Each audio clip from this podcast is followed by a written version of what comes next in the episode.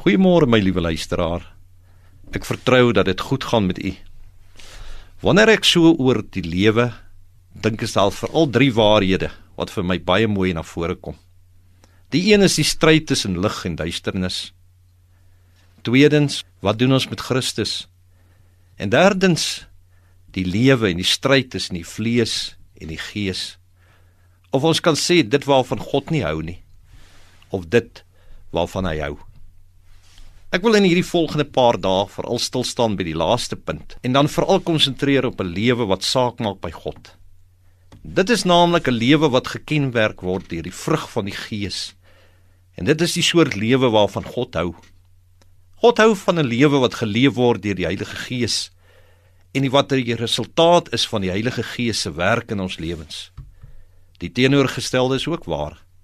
God hou nie van 'n vleeslike lewe nie. Die Bybel sê hy is teen so lewe.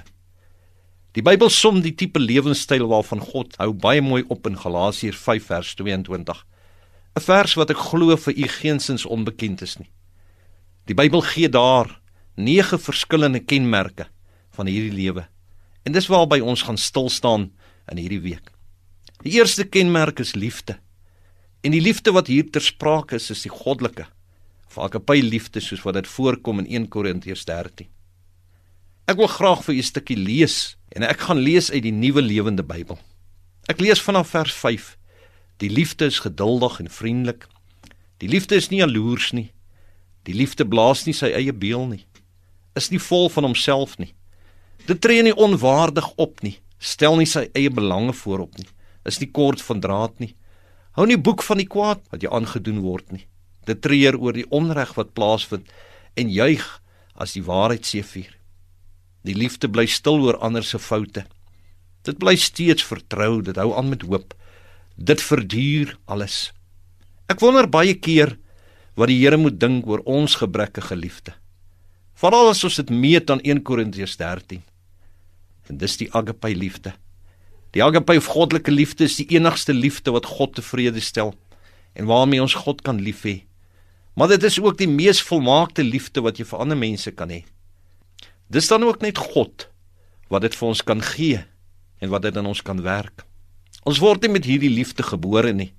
Dit is deel van die vrug van die Heilige Gees. En net die Heilige Gees kan dit in ons lewens bewerk. Wanneer die Heilige Gees in ons kom, ontvang ons hierdie liefde. En hy werk kragtig in ons om dit uit te leef. Liewe Here, baie dankie vir die liefde van die Heilige Gees. Dankie dat U van ons iemand maak wat kan lief hê.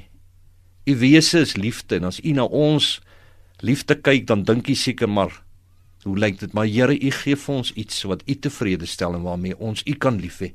Help ons ook om mekaar lief te hê in Jesus naam. Amen.